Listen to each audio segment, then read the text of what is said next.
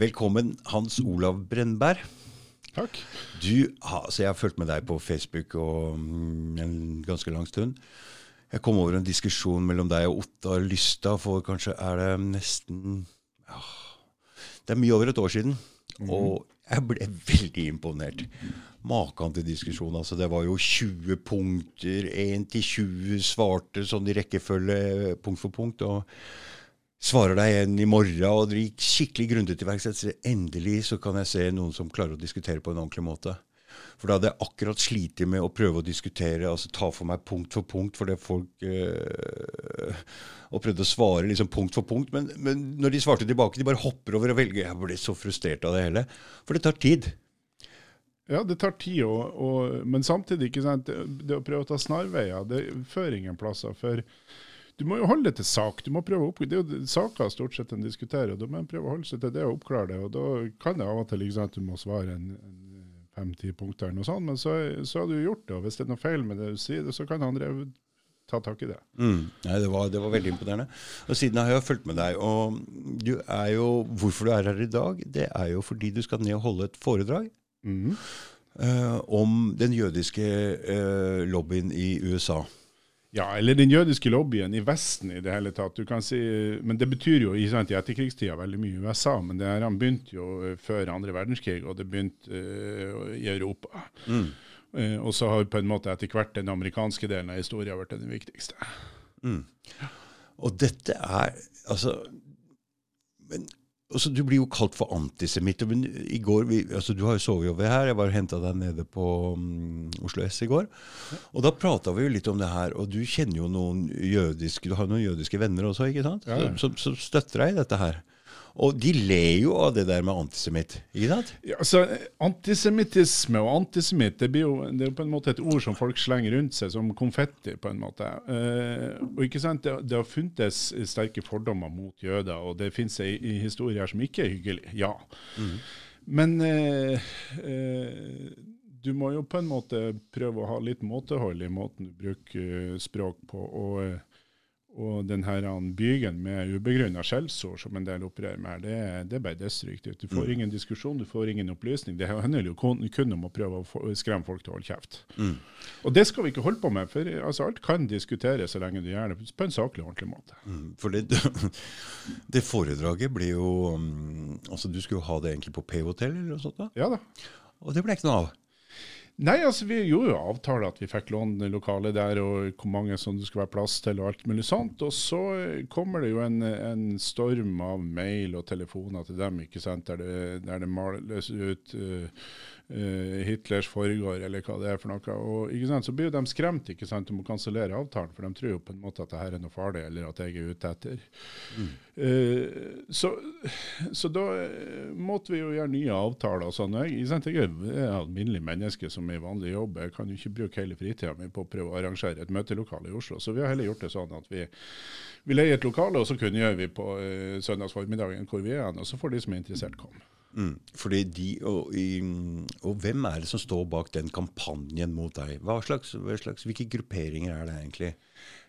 Ja, altså, de gir seg jo ikke så veldig mye til kjenne, så jeg, jeg vet i grunnen ikke eh, hvem det er. Men det, jo, det jeg fikk fra hotellet der den gangen, det var jo at det var organisasjoner og personer. sånn at det er jo og Inntrykket mitt er at dette er ikke de her, altså det er ikke Israel-vennene og, og, med Israel for fred som lagstormer. Nei, for det er noen kristne folk ikke sant, med Israel for fred? Ja, de, jeg tror ikke det er dem her. Men det kan jo være det, men jeg tror ikke det. Jeg har inntrykk av at det er mer den her du kan kalle den autoritære venstresida som ønsker å ha styring på hva folk får lov å mm. diskutere i landet, og hva vi ikke får lov å diskutere. For det er typisk for den sida der. De skal uh, cancel culture, og de, de, de, de, har fått folk sparket fra universitetene. Det er samme, samme grupperingene, eller? Ja, det er litt, iallfall de samme tankegangene og de samme miljøene det her angår. ikke sant? Folk som blir veldig hissige på at, at noen har sagt noe av det, men ikke skal sies. Mm.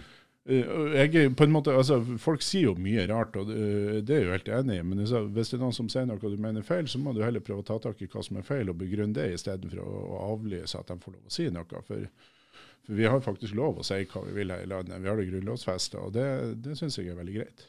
Og én ting skal vi ha helt klart for oss. Det er jo nesten ingen som tør å snakke om jøder. det er omtrent bare deg som går ut i, i, i litt større debattfora og snakker om det. Så at det er et kjempestort problem, det kan jeg ikke fatte. Vi, altså, alle veit jo at det fins en mektig eh, jødisk lobby, og så skal vi ikke få lov å snakke om det. det, det jeg fatter ikke Hva er greia med det der? Ja, og det er interessant. Altså, jeg, for noen år siden så drev vi og fulgte litt en, en, eh, en, konservativ amerikansk band som heter for Joseph Sobran. Uh, som du kan si i et par tiår var en av de mest sånn profilerte skribentene i, i, National Review, som en av de store konservative tidsskriftene i USA. Mm. Uh, men så kan du si, så, så uh, begynte jo han å gå over de her usynlige linjene som du ikke skal krysse. Og, ikke han, hva, hva, slags usynlige linjer prater vi om? Om makta til du kan si den organiserte jødiske lobbyen i USA. Mm. Det er ikke lov? Nei, du skal ikke snakke om det. Og ikke sant, Som Sobrain uttrykte, og som jeg tror er ganske dekkende, han sa at eh, skal du ha ei, sentral rolle i amerikansk media eller amerikansk politikk, så må du vite alt om denne lobbyen og hvordan den fungerer. Men du må aldri si noe høyt om det. Det er såpass, ja. ja er. Mm. Men, men, men, nå er jo du en eh, ganske um, Grunnen til at du tør å snakke om det, det er fordi Du viste meg hvor du bodde i, i stad. Eh, og du bor jo på en øy langt ute i havet. Ja da. Mm, og du jobber som lærer på en liten skole. Ja. Og kona di er rektor. Og rektor. Så det skulle ikke vært noen problem, eh, med skole. For de fleste som er debattanter, har plutselig en tittel. Altså vi så jo Nistad her nå, som fikk, eh, som prater om Russland, er litt Russlandvennlig og eh, prater imot uh, narrativet som media har. Og han får altså ikke lov å Han blir ikke ansatt som uh, lærer på universitetet. Nei, han, har, han, har, jo på en måte gått ut av reservatet, og da, da, er du ikke trygg sånn. Altså Hvis du skal bli noe, hvis du blir stor mm. eh, så, så må det, man ha visse meninger? Så er det en del tema du tror jeg klokt holder deg unna. Pga. at eh, det som alle vet hvis du begynner å diskutere disse tingene, det er eh, Uh, at eh, ute, i, ute, i, mørket her en plass så finnes det en masse trøbbel som venter på å bli tømt over deg. Den, den skjettvassbøtta der, den kommer. Mm. Og alle vet det, og dermed så prøver en å holde seg unna uh, farlige tema. Det, det, det, er jo ikke, det er ikke så veldig organisert her. Det dreier seg om en slags form for frykt som ligger i, i historie og erfaring, og som vi på en måte alle vet om. Men du er ikke redd, Hans Olav. Og jeg, jeg, tenkte på det, det er lett å være tøff bak skrivebordet ute på en øy og prate om folk, men nå kommer du til Oslo, og de folka har lov til å komme og demonstrere og stå utafor. Hva, hva, hva, betyr det at de står utafor? Hva er det jeg egentlig driver med da? Jeg, skal de stå og skrike, hyle, skal du kjefte, skal du stå med plakater? Ja, det, hva er det jeg har tenkt til der? Det, det, vet jeg ikke. Jeg vet, jeg vet, ikke om det kommer noen heller. nei, nei, men de har trua altså, med det. De har jo skrevet det i Hvilken avis var det de brukte? Det var det her om Vårt Oslo, at de har Vårt Oslo, ja. varsla mm. at det kommer demonstrasjoner og forskjellig sånn. Men så, de, de, de, har jo sin rett til å demonstrere òg, for så vidt, så det, det er greit nok. Men så, jeg har jo heller sett at de har kommet inn på møtet og, og diskutert. For eksempel, altså, øh, jeg, jeg øh, har meldt meg ut av den klubben som har den hele og fulle sannhet her i verden. Mm. Jeg kan de tingene jeg kan, men jeg er helt åpen for å diskutere motforestillinger og, og mm, mm. mm. andre ting. Så de er hjertelig velkommen inn, og jeg vil diskutere med alle uansett hva slags uh, mening og standpunkt de har. Ja, for det er ikke mulig å vite alt i denne verden her. Det er Nei, ikke får, mulig. Vi kan vinkle, vi kan kanskje få lite noen meninger, men vi kan aldri Verden er altså kompleks. Så, verden, verden, er så sammensatt at det eneste måten du kan få noe grep på dette, det er at du er villig til å diskutere med folk som har andre standpunkt enn deg sjøl. Det er det eneste, ikke sant? Det er den eneste mm. metoden vi har for å på en måte bli opplyst om de tingene vi sjøl ikke vet. Og det er et problem i samfunnet i dag. Ja, for nå går det jo veldig mye ut på at du skal ha de riktige meningene. og Det, altså, det kan jo være, altså, du, du, det, det, er mange ulike stammer her som du kan få lov å bli med i og bli utsatt med et ferdig sett med standpunkt. Mm. Men ikke sant, da går det ut på, på en måte å fortelle alle, alle andre hvor dumme de er som ikke har disse standpunktene. Mm. Og, og det, det, blir det ikke veldig mye læring av. Og 2020 har vært et spesielt år når det gjelder det der. Vi har hatt uh, Trump, vi har hatt covid. Ja. Og jaggu meg tok de ikke og blanda de to sammen. Det, var det, ble, det var det mest absurde. Men så, det, det, her, her, kan vi jo sette oss snakke om, om i timevis om, men ikke sant? Det, er jo litt håpløst. ikke sant? Altså, Trump har vi jo hatt i fire år som ja, en sånn eh, ikke sant, der, der Uh? Som på en måte skaper en effekt der alle blir eksperter på amerikansk politikk. Mm. Uh, men ikke sant, de er eksperter på, uh, på amerikansk politikk uten å kunne uh, altså, De vet ikke hvor Mason-Dixon-line er. De, de, vet ikke på en måte hva det var slags sentrale lover som skapte borgerrettsrevolusjonen på 60-tallet. Hva slags politisk allianse som skapte de her tingene. Mm. Altså, vi er, vi, er, eksperter på USA uten å forstå den amerikanske høyresida som, som hvert Trump. Mm. Og, og, det blir jo en sånn håpløs sak. Mm. Det, det, det, sånn at jeg tror jo på en måte i det her som eh, Vi må kunne diskutere med alle, men vi må òg være litt, litt, jakt etter kunnskap om de temaene vi diskuterer, og, og slippe fram de som kan noe mer enn gjennomsnitt. Mm. Og ikke sant, sånn som Nistad, Du kan jo være uenig med Nistad mye. og Han er jo, han er, han er jo veldig, veldig bastant. Ja, ja, ja, han, er, altså, han går jo av og til langt i standpunkt, og sånn, men sant, det er ikke tvil om at man kan mye. Mm. Da må, må, han jo på en måte få delta som en som kan mye. og Så kan han være uenig med en, så kan han diskutere, mm, men, men, mm, men, du må starte her. Jeg ser på det som en slags øh, Ok, nå ligger standpunktet til media ligger der. Jeg føler det er ikke riktig i det hele tatt. Det er mulig at Nistad er like uh, gæren på andre sida, men han prøver i hvert fall å balansere synet litt. Hvis du får med deg begge deler, så blir det litt mer balansert. Ja, det er viktig. Vet, du, du, vi må vet, ha sånne stemmer i samfunnet. Vi må ha det. Du, du vet i alle fall hvor, hvor uenighetene og spørsmålene ligger, sånn at du kan begynne å undersøke sjøl. Hvis du bare har én mening, mm så ser du ikke hvor spørsmålene og uenighetene ligger. og da, du, da, er det mye vanskeligere å starte en undersøkelse. Og Det gjelder ikke minst det temaet som jeg skal snakke om nå på, på søndagen, pga. at der er det jo bare én mening. Ja, det er, det én fortelling. Men nå er det jo ikke mm, For det første så er det jo hemmelig. Det er i Oslo, vet ikke helt hvor det er. og Kanskje kan du eh, holde litt av det foredraget her nå, eller? altså, Det som jeg skal snakke om nå For du kan se eh, Jødene er jo den, den ene eh, religiøse minoriteten som overlevde eh, europeisk middelalder. Altså, Den katolske kirka de, de, eh, de klappa jo flatt ellers. altså Qatar og alt mulig sånn. Det fins ikke. Qatar? Ja, altså, det er en, en, eh, Og når er den europeiske middelalder? Den er fra altså Du kan si ja, først og fremst denne perioden fra Karl den store, uh, rundt 800 og fram til uh, svartedauden. Det er det som er en viktig periode her. Ja. Og Da blir alle kjetterbevegelser innenfor den katolske kirka de blir klappende med flat hånd. Og Det finnes én religiøs minoritet i, i, det katolske Europa, og det er jødene. Men de lever en beskytta tilværelse. Ja. Uh, etter August, altså Augustin, uh, som er en av kirkefedrene, som på en måte er veldig viktig for hvordan den katolske kirka tenker om disse tingene, mm. uh, slår fast at jødene uh, pga. historie her og forholdet til den tidlige kirka, så skal jødene ha en beskytta posisjon pga. at de, enten de vil eller ikke, tjener som en slags vitne for kirkas sannhet. Okay. Og Dermed så får jødene en posisjon der de skal være trygge for livet og eiendom, men de lever utenfor det kristne samfunnet. Det, mm. det, kristne samfunnet, altså, alt, alt, er jo på en måte kristendom og religion den gangen. Men du, eh, altså, De har jo hatt en annen rolle. for det er jo klart at de, Er det sånn at de har drevet med bankvirksomhet? Er det en, en grunn? For innen både den kristne tro, muslimske tro og som du sa i går, innen den jødiske tro, i hvert fall om hverandre, så er det ikke lov å låne bort penger mot renter. Uh, så er det det at de har trengt en gruppe som driver med bankvirksomhet og låner ut penger mot renter. Er, er det noe, har det noe med det å gjøre?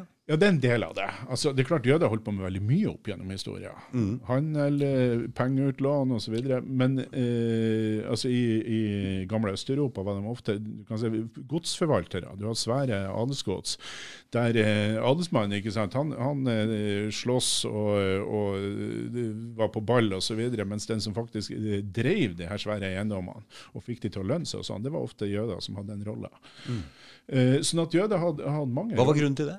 Uh, er det det samme du fortalte meg i går, at når du driver med bankvirksomhet, må du både ha nærhet og være en fremmed? Det har med å være nærhet og fremmed, ja. På grunn av at du kan si eh, Jødene var på mange måter eh, en slags pariaelite. Ikke sant? De ble eh, hata, forakta, frykta. Mhm. Eh, og var fremmed. Mhm. Samtidig som at de eh, forsto og deltok i samfunnet. Altså de, kun, eh, de, ble, de ble brukt eh, altså Rolla til jødene i det gamle Spania ble beskrevet ikke sant, som en svamp. Eh, eh, når, for du kan si, Det å, å sette inn en jøde som skatteinnkrever, og den gangen i Spania ikke sant, så var det ikke sånn at skatteinnkreving var en statsfunksjon. det ble sett ut på anbud, og den som ga det beste anbudet, for å kreve inn skatt i et område. Mm. Og det er ikke en veldig populær jobb. Det er ikke en populær jobb. Veldig lite populær. Det skjønner jeg. Og, men ikke sant, jøder fikk ofte den jobben pga. at de kan, kunne ofte få to, tre, fire ganger mer ut av et distrikt enn andre gjorde. Og det er klart at de som skulle ha disse pengene, syntes jo det var veldig bra. Mhm. Men ikke sant, da fungerte han som en svamp. De for rundt og trakk inn all fuktighet. Og etterpå så tok Tok inn all, eh, Akkurat som en svamp tiltrekker seg all fuktighet, så kunne de samle inn alle pengene som fantes her. Mm. Og etterpå tok jo adelsmannen eller kongen og vridd svampen sånn at han fikk alt Mm. sjøl. Mm. Så jødene ble brukt som en slags redskap for de som hadde makt, myndighet eh, og ressurser i samfunnet. Mm. Eh, og ble derfor frykta av de som var under de som var utsatt for dette systemet. Så det er liksom starten på dette her. Men samtidig så sier du at Augustin eh, freda dem. Ja. Er, er, har det noe relevans med den oppgaven de eh, ble satt til der, eller hva? Hvordan Nei, altså, det? men det, ga, det gjorde jo at, at de overlevde som minoritet. Altså, Men hvorfor gjorde katolske kirken sånn? Nei, altså, eh, eh, Den katolske kirka forholder seg jo sant, til, til Bibelen, til frelse, til alle de her tingene. Og sant, da må jo jødene ha en plass i Guds plan. Okay. Og, og det Augustin gjør, er på en måte bare å gi dem en rolle, en plass i den store planen som Gud har med det hele. Mm. Så Derfor får de beskytta. Hvis, hvis de ikke har vært beskytta i den katolske kirka, så ville de ikke ha funtes i Europa. Det er så enkelt. Akkurat som du innenfor islam. Hvis du ikke hadde en plass For katolske kirka tok alt annet De vekk. hadde, de hadde makta, så enkelt var det. Mm. De la alt annet flatt, bort med alt. Ja, det som ikke passa. Knallhard, knallhard øh, greie. Ja, ja. Men så, så eh, i de siste 500 årene har jo ikke kirka hatt den typen makt. Nei, og, den og, og dermed har de her vært et, et eh, bilde som har forandra seg. ikke sant? Altså, det, det her er på en måte opphavet til det hele. Men så historia går jo alltid videre, og det skjer nye ting og får nye roller og nye interessante ting som skjer. Mm. Så, det, så du, sant, det, det jeg skal snakke om, er vel mer For du kan si, når du lever som et lite, tett samfunn på sida av samfunnet, altså parallellsamfunn i, i ordets egentlige betydning, det er jo det som eh, den jødiske eksistensen fram til 1700-tallet, Mm. så levde jo de fleste jøder ikke sant, under den religiøse lova, halacha, ikke sant, som gir veldig detaljerte påbud for hva du skal gjøre og ikke gjøre. Og hvis du bryter denne lova, så er, så er du under makta til rabbineren. Da kan rabbineren gi deg mot, eh, bot, eller eh, stenge deg ute, eller i verste fall ikke sant, gi deg eh, ulike typer kroppslige straffer. ikke sant? Så den, den religionen der har holdt, har holdt ganske stramt grep om, om jødene. Den har holdt veldig stramt grep om den enkelte jøde, fram til rundt 1780. Mm. Og ikke sant, Det var en, en, en religion der eh, alt annet enn den hellige litteraturen var forbudt. Eh, altså du skulle ikke lese, altså Hadde du tid til å lese, eh, så skulle du ikke lese annet enn hellig litteratur. Og hva, hva er det? Toran og Talmud? Og de mange mange kommentarene til disse tingene. Kompendier. Du har, eh, altså, du har en, en svær litteratur som kommenterer ulike spørsmål i Den hellige lova. Mm. Og det var den du var pålagt å studere. Mm. Så den eneste plassen du kunne, hvis du var interessert i allmenn historie eller geografi eller, eller eh, eventyr eller noe sånt, ikke sant? den eneste plassen du hadde lov å lese det, det var når du satt på do, ikke sant? for do var en urein plass. Mm. Så der kunne du ikke lese hellige bøker. Men altså, utenom, utenom eh, det, så, så, så var du pålagt å bære. eh, Så, så det, det var et, det var et eh, tett religiøst samfunn som hadde veldig sterkt grep om sine. Mm. Men ikke sant, så kommer den franske revolusjonen. Så får jødene borgerrettigheter. Mm. Altså De blir borgere på like linje med andre. Og dermed så mister rabbinerne makta over sin flokk. Ok, Men noen, en del folk mener at jødene sto bak den, russiske, nei, den, eh, den franske revolusjonen. Ja da. Men eh, Det er mange som mener det, men eh, hvis du går inn og, og tar diskusjonen, så vil du se at ikke noe, de har ikke så veldig mye å vise for seg. Nei. Så det er, ikke, det er ikke helt reelt, selv om de var en delaktige i det? Ja, så eh, Klart de var delaktige. De var, de var en, en, eh, altså en, en, utestengt minoritet som ofte ble forakta osv. Og, og så nå får de rettigheter på lik linje med andre. altså De kan møte alle andre som likevenn. Det er klart at, at eh, revolusjonen i Frankrike var attraktiv for jøder. Mm. Som den var attraktiv for andre, ikke sant, som nå slapp å, å stå med, med hua i handa og bukka ned, og, og, og alle runder underdanigst og alt sånt. Mm. Så det er klart at jødene var en del av det her, men det var ikke dem som sto bak det eller styrte. altså det det, de var ikke i en sånn posisjon. Det er langt unna virkeligheten. Mm. OK. Så er vi der, med den franske revolusjonen. Men, men, det foredraget ditt det handler jo om øh, Hva handler det om? Jeg vet ikke. Det handler om den jødiske lobbyen, og da kommer vi senere. Mm. Det, det som skjedde her i Europa, det var at øh, jødene fikk borgerrettigheter. og, var, og det, det, var veldig vellykka. Altså, i, når industri, handel og det moderne samfunnet blir bygd opp i Europa, så går jødene ut av gettoen. De blir en del av dette. De blir en del av eliten i Storbritannia, Frankrike, Tyskland.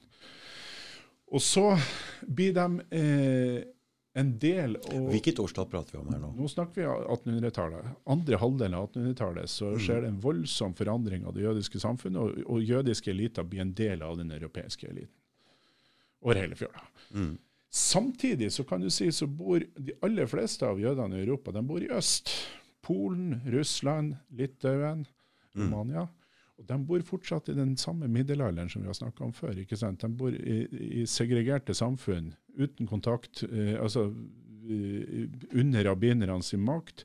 Ikke samme rettigheter som andre, utestengt på mange områder.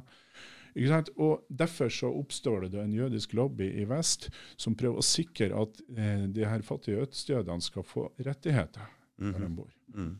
Eh, og som prøver å gripe inn i den diplomatiske og politiske prosessen i Europa for å, å, å gi mening til de her rettighetene, sikre at de blir fulgt opp osv. Så lobbyen oppstår da for slutten av 1800-tallet som eh, en, et nettverk av jødiske organisasjoner i vest som skal prøve å sikre borgerrettighetene og de grunnleggende menneskerettighetene til jødene i øst. Så fram til nå så prater vi at det er en bra ting? Ja, helt klart. Ikke sant? Ja, ja. Mm. Uh, uh, ikke sant? På grunn av at det, har med, det er jo det som er det moderne samfunnet. Det er jo på en måte at vi møtes som likemenn. Mm. og har de samme rettighetene. Og, og lobbyen eh, som den var rundt år 1900, eh, handler om det. Mm. Det er det. Men så kan du si eh, den, eh, det arbeidet til, til, den jødiske lobbyen Lucien Wolff er på en måte leder for mye av det her, som er leder for noe som kalles Conjoint Foreign Committee. Eh, Skru opp lyden.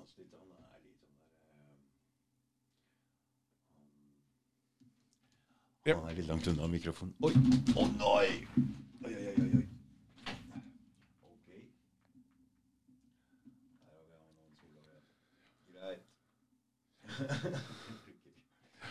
Sånn. Ja. Eh, de, de, gjør jo et veldig godt, god jobb her med å sikre de her tingene, men så kommer første verdenskrig, ikke sant? Mm. Og Da blir Storbritannia og Frankrike alliert med Russland, som er det viktigste landet der jødene ikke har rettigheter. Og dermed så rammer veldig mye av lobbyen i hopen i eh, 1914. De sentrale, altså Nettverkene rakner, de posisjonene erobrer seg på en måte, grunnlaget forsvinner under dem, og, og det ligger litt i ruiner da, som en følge av utbruddet av første verdenskrig. Mm. Eh, og da kommer på en måte sionismen og ideen om en jødisk stat for alvor inn i, i det her. På grunn av at eh, altså Storbritannia og Frankrike er involvert i en verdenskrig. Eh, de trenger masse ammunisjon, mat osv. forsyninger. Og det landet som kan gi disse tingene, USA, men USA er nøytralt. Og eh, i USA utgjør jødene ei av flere grupper som ikke ønsker at USA skal gå inn i krigen på Storbritannia og Frankrikes side. Eh, etter påskeopprøret i Irland i 1916 så er det masse altså Boston og flere amerikanske byer det er masse irer. De er slettes ikke noe eh, interessert i at USA skal, skal støtte erkefienden Storbritannia. Eh, eller England. Uh, jøder er ikke interessert i at USA skal gå, gripe inn i en krig på samme side som Russland, der deres uh, slektninger blir undertrykt av tsaren sine myndigheter. For de hater tsaren. Ja. Mm. Og ikke sant, det her er Presidenten i USA på det tidspunktet, Woodrow Wilson. Mm. Og eh, han er jo avhengig av disse gruppene, IRA, jøder og andre minoriteter, eh, for å ha makt i, eh, utenom eh, sørstatene, som er det andre, du kan si, andre fotfestet hans. Mm. Så dermed blir det veldig viktig for eh, britene å finne en måte de kan påvirke amerikansk opinion på, for å bryte denne motstanden mot amerikansk intervensjon.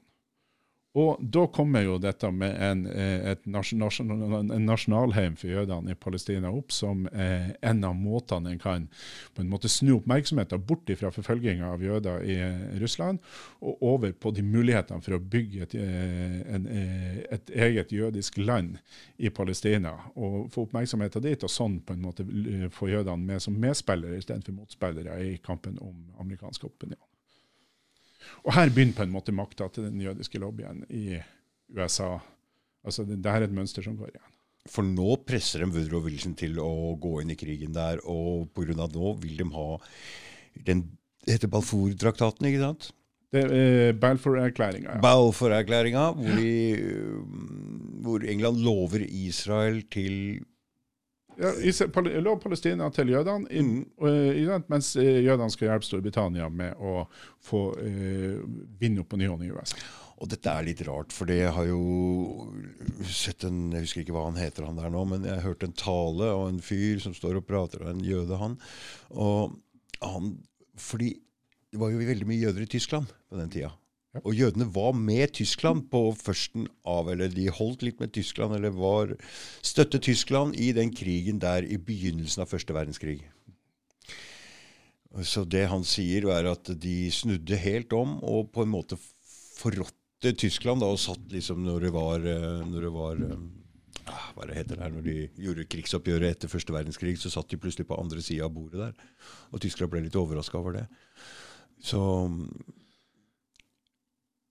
Ja, altså det, De var kanskje ikke så mye for Tyskland som de var mot Russland, men ikke sant, det, det, gjo- det ga jo noe av det inntrykket. Men det er klart at tyskere og jøder har lang, eh, lang eh, fartstid bak seg. De, mange av dem har jo tyske navn. altså Vi har jo jiddisch. Jiddisch er en høytysk dialekt, så der har det vært eh, Det har vært veldig nært i veldig lang tid. lang tid, ikke sant? Må ha vært. Og, og moderne jødisk kultur var jo på en måte sterkt prega av Tyskland. Det er jo, For du ser jo det nå på de Når du ser Epstein altså Du ser disse navnene Steinberg, Stein, Goldstein altså Det er jo tyske navn, eh, på en Ja. måte. det det. Så hver gang jeg ser noen sånn tyske navn, så tenker jeg er det tysker eller er det jøde, eller hva er det for det som bor i USA? Ja, det, det er riktig. Så eh, du kan si det begynner der. Men så eh, kan du si eh, så, så før jo første verdenskrig den er jo på en måte, altså Woodrow Wilson vil gjøre det eh, til krigen som gjør verden trygg for demokratiet. Sånn Eh, Woodrow Wilson ville gjøre eh, første verdenskrig til krigen som gjorde verden trygg for demokratiet. Men sånn blir det ikke. Første verdenskrig starter en veldig ustabil og urolig periode, og så eksporterer det hele ny, ny krig. Uh, og da ser vi igjen at du kan si den, den uh, lobbyen i USA blir veldig viktig. For ikke sant, Krigen bryter ut i Europa i, i september 1939. mm. Og nå går vi rett over til annen verdenskrig, Ja, ikke sant? nå går vi rett over til andre verdenskrig. Og eh, fra september 1939 til desember 1941, når USA går inn i krigen, eh, der er, altså det er under krigsforhold eh, der Storbritannia har veldig svake ressurser, eh, ressurstilgang, eh, så er det en lang tid å holde gående. Og det å prøve å dra et motvillig USA inn i en krig som mange amerikanere mener ikke har noe med dem å gjøre, det er en stor jobb. Eh, Roosevelt på en måte, han bygger seg opp som reformpolitiker. Han blir valgt i 32. Mm. Eh, under ei svær økonomisk krise. ikke sant? Der du har enorm masse eh, arbeidsledighet i USA, og alt uh, står, i, står i stein. Eh, Roosevelt brukte denne eh, situasjonen til å prøve å reformere den amerikanske staten, det amerikanske samfunnet, og gi eh, den føderale regjeringa en mye mer sentral posisjon i det amerikanske liv. Eh, du kan si altså Mellom eh, 1933 og 1941 så dobles størrelsen på det amerikanske statsapparatet. En masse ulike økonomiske program skal prøve å dra i gang aktivitet i jordbruk, industri og annet, for å få starta pumpa på en måte, sånn at det fungerer. Mm. Og eh, alle de her nye, eh, altså, nye direktorater og eh, føderale program og alt sånt, de, jo, eh, de skal drives. Og eh, ved universitetet i Harvard så, finnes, eh, så er en professor som heter Felix Frankfurter, som er professor der i offentlig rett. Han er jo det. Han er en av lederne i amerikansk sionisme og har vært det siden 1914. Mm. Og han, på, han, fungerer på mange måter som et bemanningsbyrå for New, uh, Roosevelt sitt uh, New Deal. Det er hans studenter, hans folk som blir plassert i ulike nøkkelstillinger her for å få det her til å fungere. For Det, altså, det nytter ikke å gjøre vedtak i Kongressen hvis du ikke har dyktige folk til å følge opp. Sånn at Under New Deal så blir den nye federale, altså den, den veksende federale regjeringa bemanna av veldig ofte de samme minoritetene som vi snakker om i forbindelse med første verdenskrig. Unge jøder eller ira ofte, eh, ofte med jusutdanning, som da kommer inn og på en måte snur litt opp ned på amerikansk statsskikk og får, prøver å få hjulene i gang. Eh, og det er de samme eh, som eh, får en nøkkelrolle når sant, en skal prøve å dra et motvillig USA, USA inn i andre verdenskrig. Så ser du at det er mange av de samme politiske kreftene, mange av de samme personene, som har en nøkkelrolle i det òg. Og I ettertid tenker vi jo på andre verdenskrig sant, på slagmarken i Europa, og sånn, men uten den amerikanske økonomien i ryggen, så ville jo ikke Storbritannia hatt en sjanse i det her. Nei, Nei, nei. Det er nøkkelen. Mm. Og eh, dermed så har folk som Felix Frankfurter, eh, Benjamin Cohen og de andre du kan se sentrale sionistene i statsadministrasjonen da har en svært viktig rolle i en overgangsperiode. Hvorfor var det så viktig for disse jødene å gå inn i den krigen? Eh, altså, Eh, Hitlers maktovertagelse i 1933 eh, fører jo til at veldig mye av konflikter i det jødiske samfunnet internasjonalt blir lagt til side. Hitler blir oppfatta med rette ikke sant, som en stor trussel. Fordi da ser vi i eh, Washington Post at uh, vi ser Judea declares war on Germany ja. i 33. Ja. Det blir gjennomført en handelsboikott. og ikke sant, Jødiske miljøer ser at dette er en trussel. Men, og dette må vi stå sammen mot. Jeg har jo en eh, venn som mener absolutt at um, tysk økonomi var knust. Og de fant på et annet system som ikke brukte sentralbanksystemet, med renter og sånn, som gjorde at dette her, Tyskland blomstra. Og at det for all del var dette som måtte bli knust. Det var derfor mm, de ville Altså, ja. Jo, det, det, er en eh, Altså Problemet her tror jeg er at, at det tyske økonomiske under, og det er ikke noe tvil om altså Grunnen til at Hitlers styre blir stabilt fordi altså Hitler og hans gjeng er jo eh, de, de, kommer jo litt fra utsida. Det er jo en, det er en forholdsvis brutal gjeng.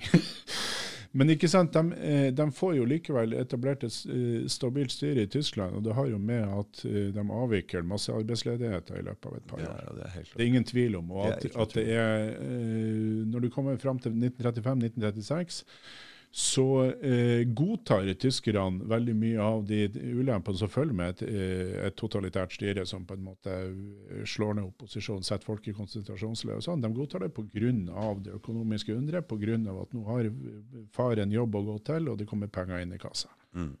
Så det er på en måte det, det, det, det, bytteforholdet som er mellom den vanlige tysker og, og regimet i Berlin. Mm.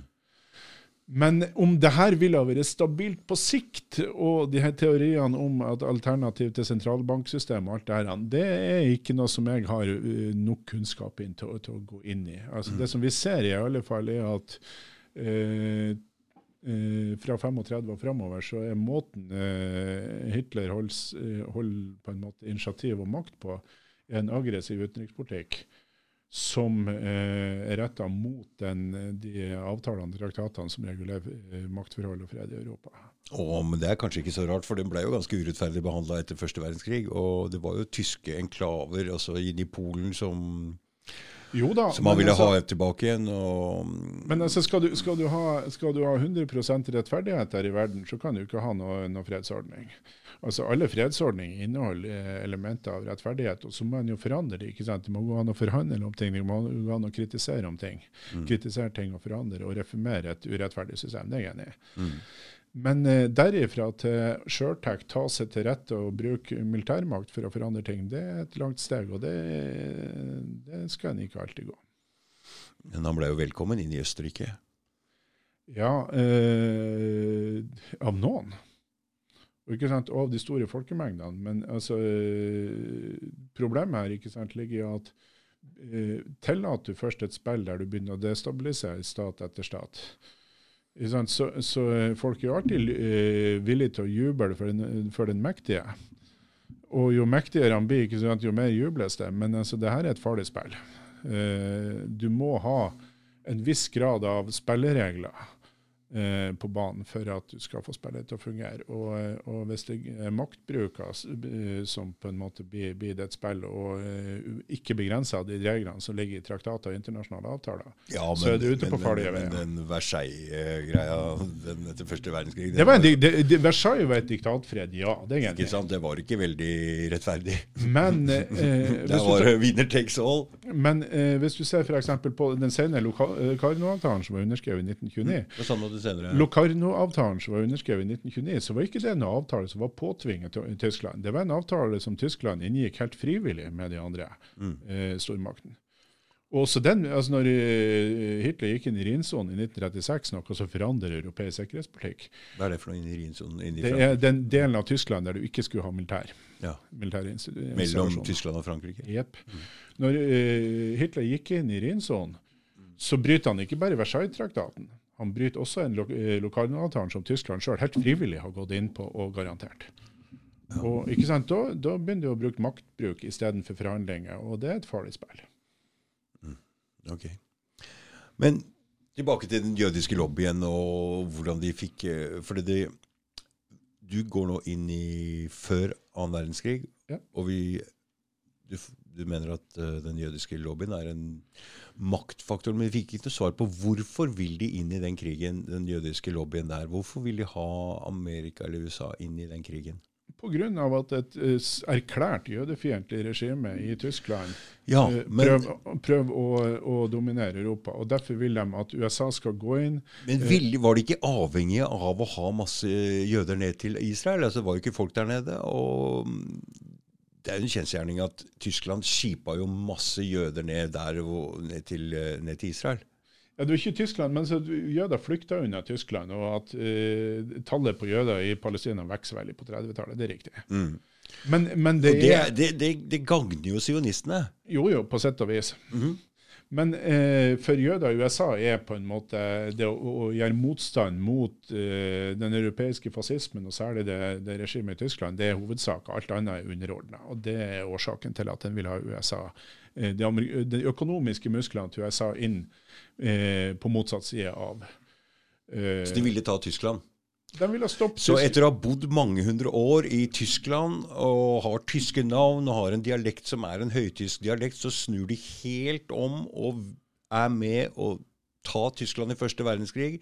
Og igjen er med, vil knuse Tyskland i annen verdenskrig. Ja, men altså, det, eh, altså eh, Under det nazistenes styre i Tyskland så var det jo ikke sånn at at det var de her hundreårene med samarbeid og, og tysk kultur og alt som styrte. ikke sant? Jøder var behandla som, eh, som paria, som utstøtt klasse i Tyskland. Ble forfulgt, eh, eh, eiendom ble beslaglagt osv. Så, videre, så det er jo ikke noe spesielt merkelig. Altså når, når Tyskland på en måte begynner en indre krig mot jøder i Tyskland, så er det jo ikke noe spesielt rart. Men var ikke det litt pga. at de forrådte Tyskland etter første verdenskrig? Men gjorde de det? Ja. De som bodde i Tyskland.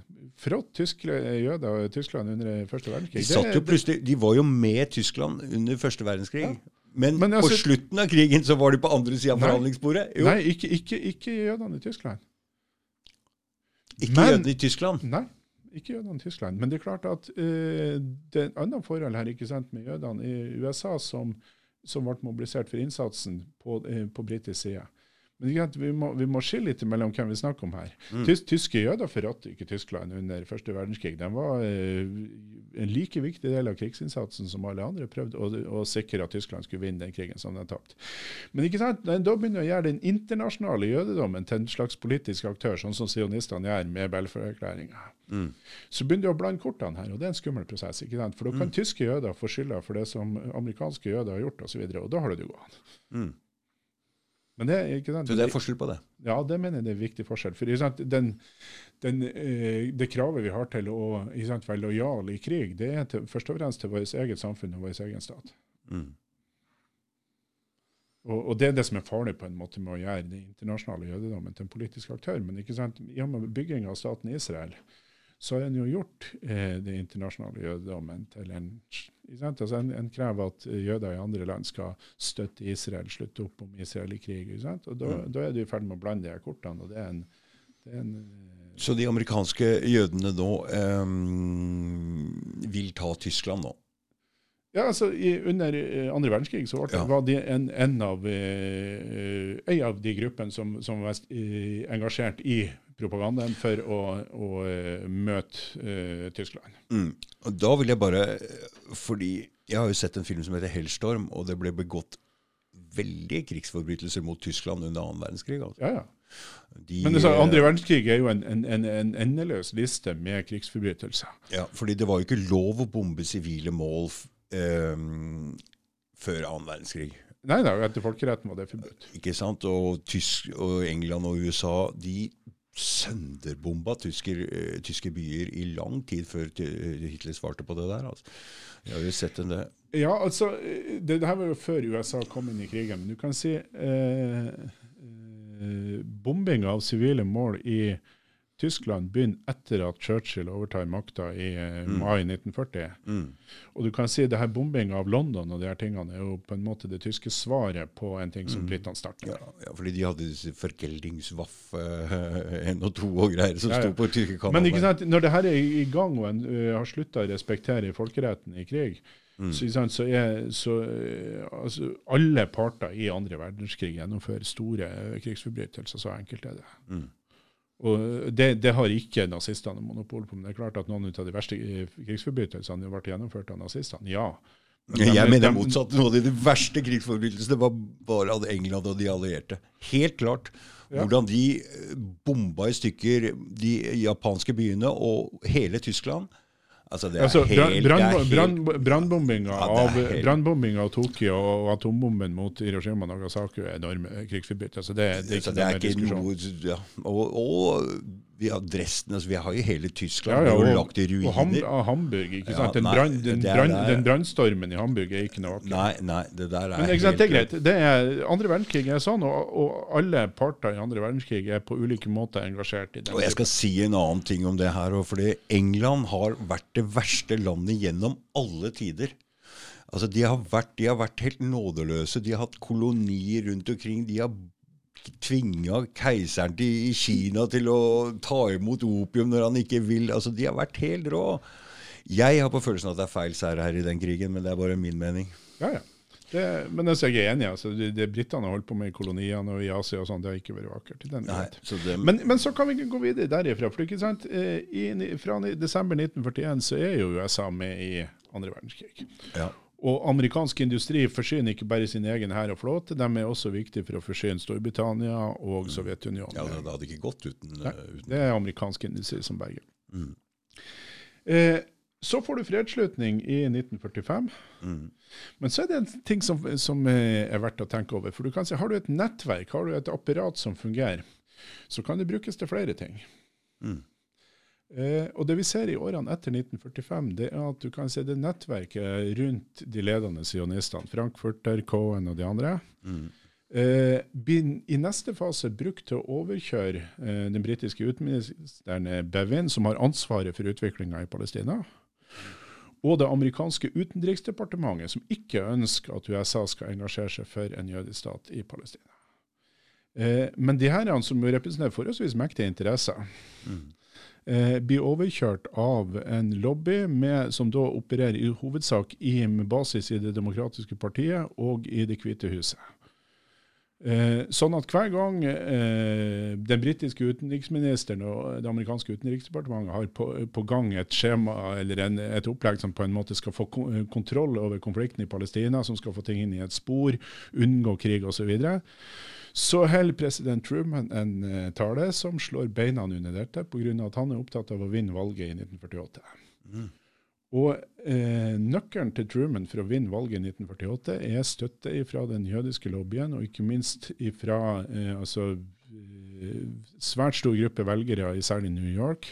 Mm. Eh, og det kommer mange valgmenn fra New York. Så eh, etter annen verdenskrig så har de på en måte kvitta seg med noen motstandere og konsolidert en del makt, den jødiske eh, lobbyen? Ja, det har det. Å være amerikansk politiker og overleve i opposisjon til lobbyen mm. i spørsmålet rundt Palestina, det er en bortimot umulig mm. sak i 546. Du har, du har forsvarsminister Forstall, som også er opptatt av at USA trenger eh, i nye konflikter med Sovjetunionen, så trenger USA tilgang på oljeressurser. Mm. Så han er veldig opptatt av at en ikke skal gjøre eh, amerikansk politikk i Midtøsten til en, en sånn innenrikspolitisk greie. Så han prøver å få til en våpenhvile mellom det demokratiske og republikanske partiet, sånn at amerikanske interesser først og fremst skal ligge til grunn for måten han håndterer det her på. Mm. Han har ikke en sjanse. Han, han, blir utspilt og skandalisert og, og må trekke seg. Og så, så Fra 45 av så har denne lobbyen betydelig makt i USA. Mm. Ja, Det er ikke tvil om. Så Men sant, på det tidspunktet først og fremst i Det demokratiske partiet. Ja. Når Eisenhower kommer inn som president i 52, så er jo Var han halvt jødisk? Uh, nei, det er vel tysk. Det vet jeg ikke. Altså, jeg tror han er mest tysk. Mm -hmm. Rart han var så jævla nådeløs som general mot det tyske folket, hvis han er tysk? Nei, altså, det, det, amerikanere har vært, altså Andregenerasjons amerikanere er i politikken sånn ofte lojal til USA, først og fremst. Det er det det går på. Fordi han var en uh, general under annen verdenskrig? var ikke? Ja, han var general. Uh, og, og øverstkommanderende for invasjonen i, i Normandie. Mm. Nei, men under, du kan si, Når Eisenhower kommer inn fra 52, så er USA mye mer, altså har mye større distanse til den nye staten Israel. Uh, og du kan si når, når, Israel og Storbritannia og Frankrike prøver, prøver å overfalle Egypt i 1956 pga. konflikten rundt Suezkanalen og nasjonaliseringa av den, så er det jo Eisenhower som gir veldig tydelig beskjed om at her er det bare å pakke og komme dere hjem. Dette er et brudd på folkeretten, og dere, dette skal vi ikke ha noe av. Mm. Uh, og ikke sant, Invasjonen i Suez er jo lagt rett før valget i 1956. Det er ikke uten grunn. ikke sant? Det er for å, å, en, i håp om å møte en mjuk president. Mm. Men Eisenhower er ikke mjuk. Og uh, også Israel og, og altså Israel og Storbritannia må gi seg og trekke seg tilbake. Og eh, for Nasser har ligget styrka det, for han har stått opp imot de gamle imperialistmaktene. Så England og Britannia, altså gikk, nei, Israel og Storbritannia og Frankrike gikk sammen om et overfall på Egypt i 1956. Ja. Mm. Og eh, sant, På det tidspunktet så er eh, lobbyen er først og fremst et fenomen på demokratisk side. Mm. Og en republikansk president i 1956 har eh, ryggrad nok til å stå imot dette. Det er jeg ikke tvil om. Mm. Sånn at det, ja, det er makt, men det er begrensa makt. Mm. Da er vi i Hvilket årstall var det? Det var 1956. Da er vi 56. Ja. Men vi skal jo prøve å jobbe oss litt eh, framover og litt framover og se hvordan denne jødiske lobbyen prøver å utvikle seg, eller hvordan den utvikler seg. Ja. Og hvis vi ser nå i dag hvordan de tar Vi prata litt om Corbyn i går. Uh, hva er det han gjorde for noe gærent? Eller skal vi bare ta det sånn litt hoppe opp? Vi kan godt snakke litt om Corbyn. Mm.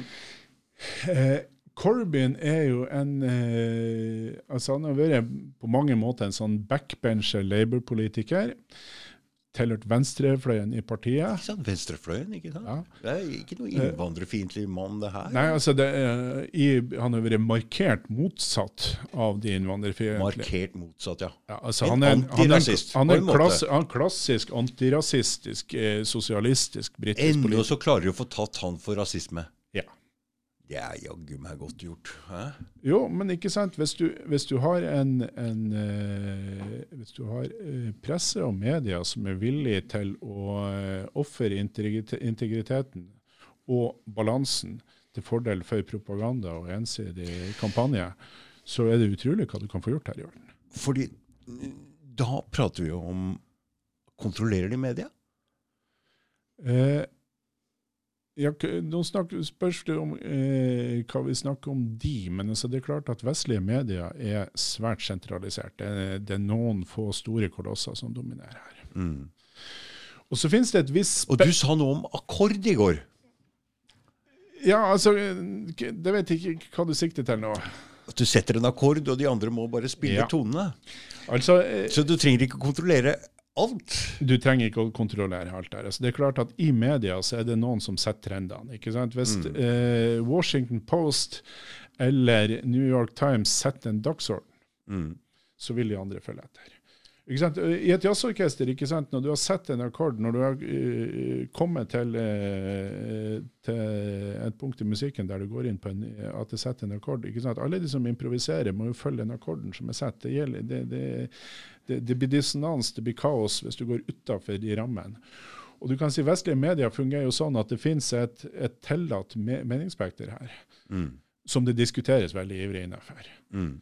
Men så har du noen hjørne, hjørneflagg her, og hvis du går utafor de, da er du i mørket. Da er, da er det kveld og mørkt.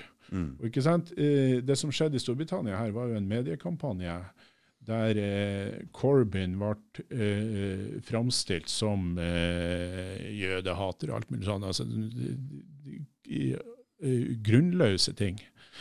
Og alt botner ikke sant, i at Corbyn som en del av sin radikale sosialisme har på sitt program, det er jo at palestinerne skal ha noen grunnleggende rettigheter. Mm. Og i motsetning til folk som prater i været om palestinske rettigheter, for ikke sant, når politikere i Norge og andre land snakker Mm, om palestinske rettigheter, det er, jo, det, er jo, det er jo først og fremst retta til et innenrikspublikum. Mm. Det er ikke noen realiteter her. Nei. Palestinere er like rettighetsløse som de var for Mm, 50 år Det er siden. bare pjatt. Det er bare Det er pjatt. Dette er prat. Dette er Mm, prat. mm, mm. Men ikke sant, fra Corbyn var ikke dette prat. Nei. Og derfor så måtte han jo, måtte han jo tas. Mm.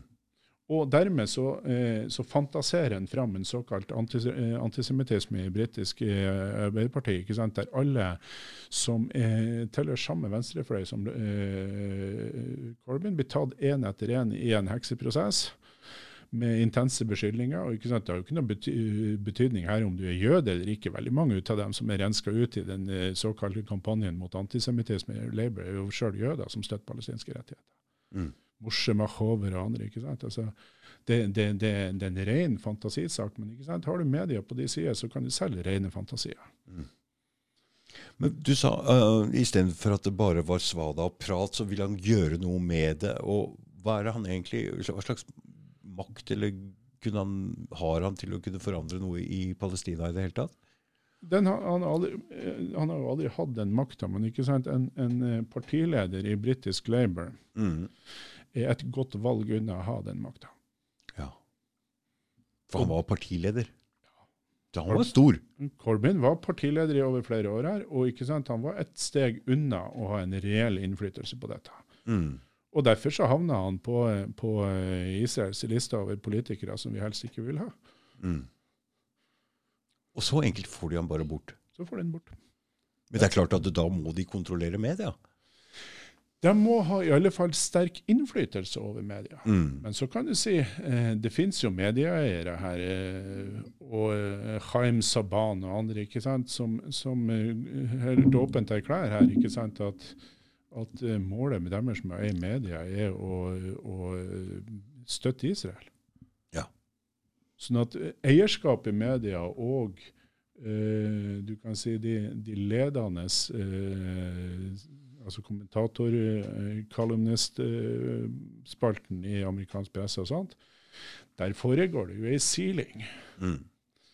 Akkurat som det foregår ei siling når du skal utnevne viktige uh, posisjoner i regjeringa. Mm. Og, og her, er, altså våre, våre, sant, Det som ikke er lov å snakke om her, det er at den jødiske lobbyen her er jo organisert nok til å kunne hindre utnevninger Mm. og hindre ansettelser osv. Altså det- går du for langt ut her, så har du ødelagt din egen karriere. Mm. Når uh, Den første podkasten jeg hadde, så hadde jeg inn Lars Birkelund. Og i boka hans også så står det at uh, i, mm, i NRK så graderer de også journalistene sine. eh, og det er sånn, Hvis det blir en krise, hvis det er et eller annet, så, så er det bare noen journalister som får lov å uttale seg. Ja. Og andre. Så det er klart at det er en slags uh, Du får ikke lov å ha alle meninger.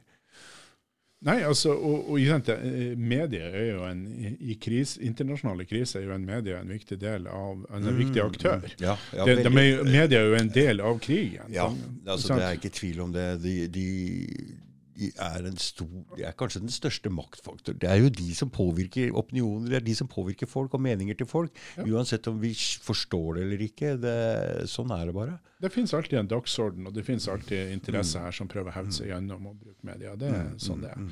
Og det er jo greit. Sånn vil det jo på en måte være. Det som er problemet her, det er at en av de viktige aktørene her, nemlig eh, lobbyen, eh, er det forbudt å diskutere. Den er forbudt å diskutere, ja. ja.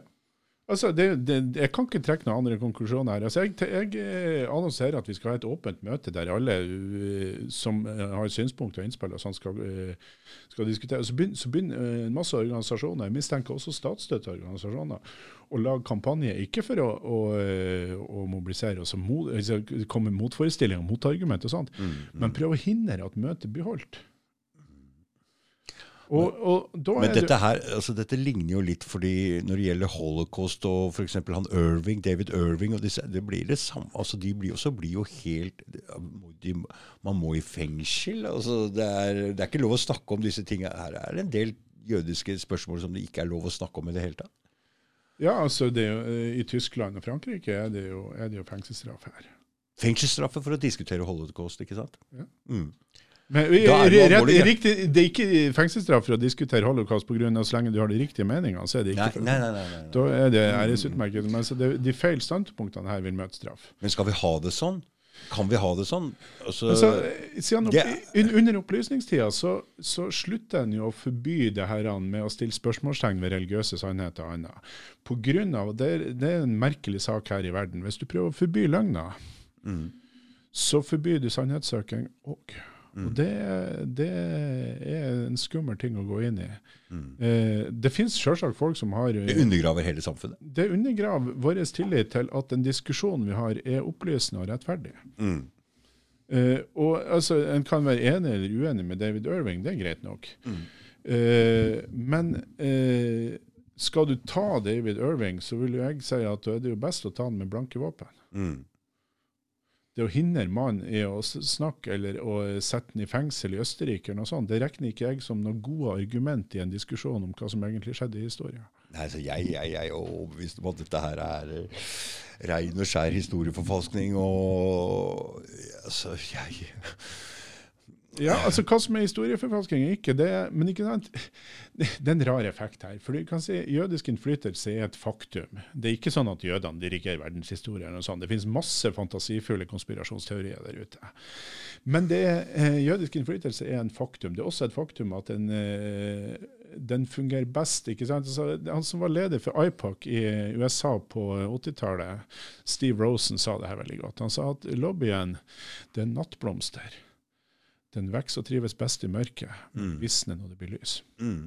Hvis du setter lys på det. Ja. Ja, men sånn er det med alt sånn er det med alt du er litt sånn småredd for òg. Hvis du Ja. lyser på det, så blir det borte. Ja. Og ikke sant? Derfor, derfor eh, tror jeg at det her på en måte blir forsøkt gjort til et tema du ikke kan diskutere, Ja. pga. at det lyset er farlig.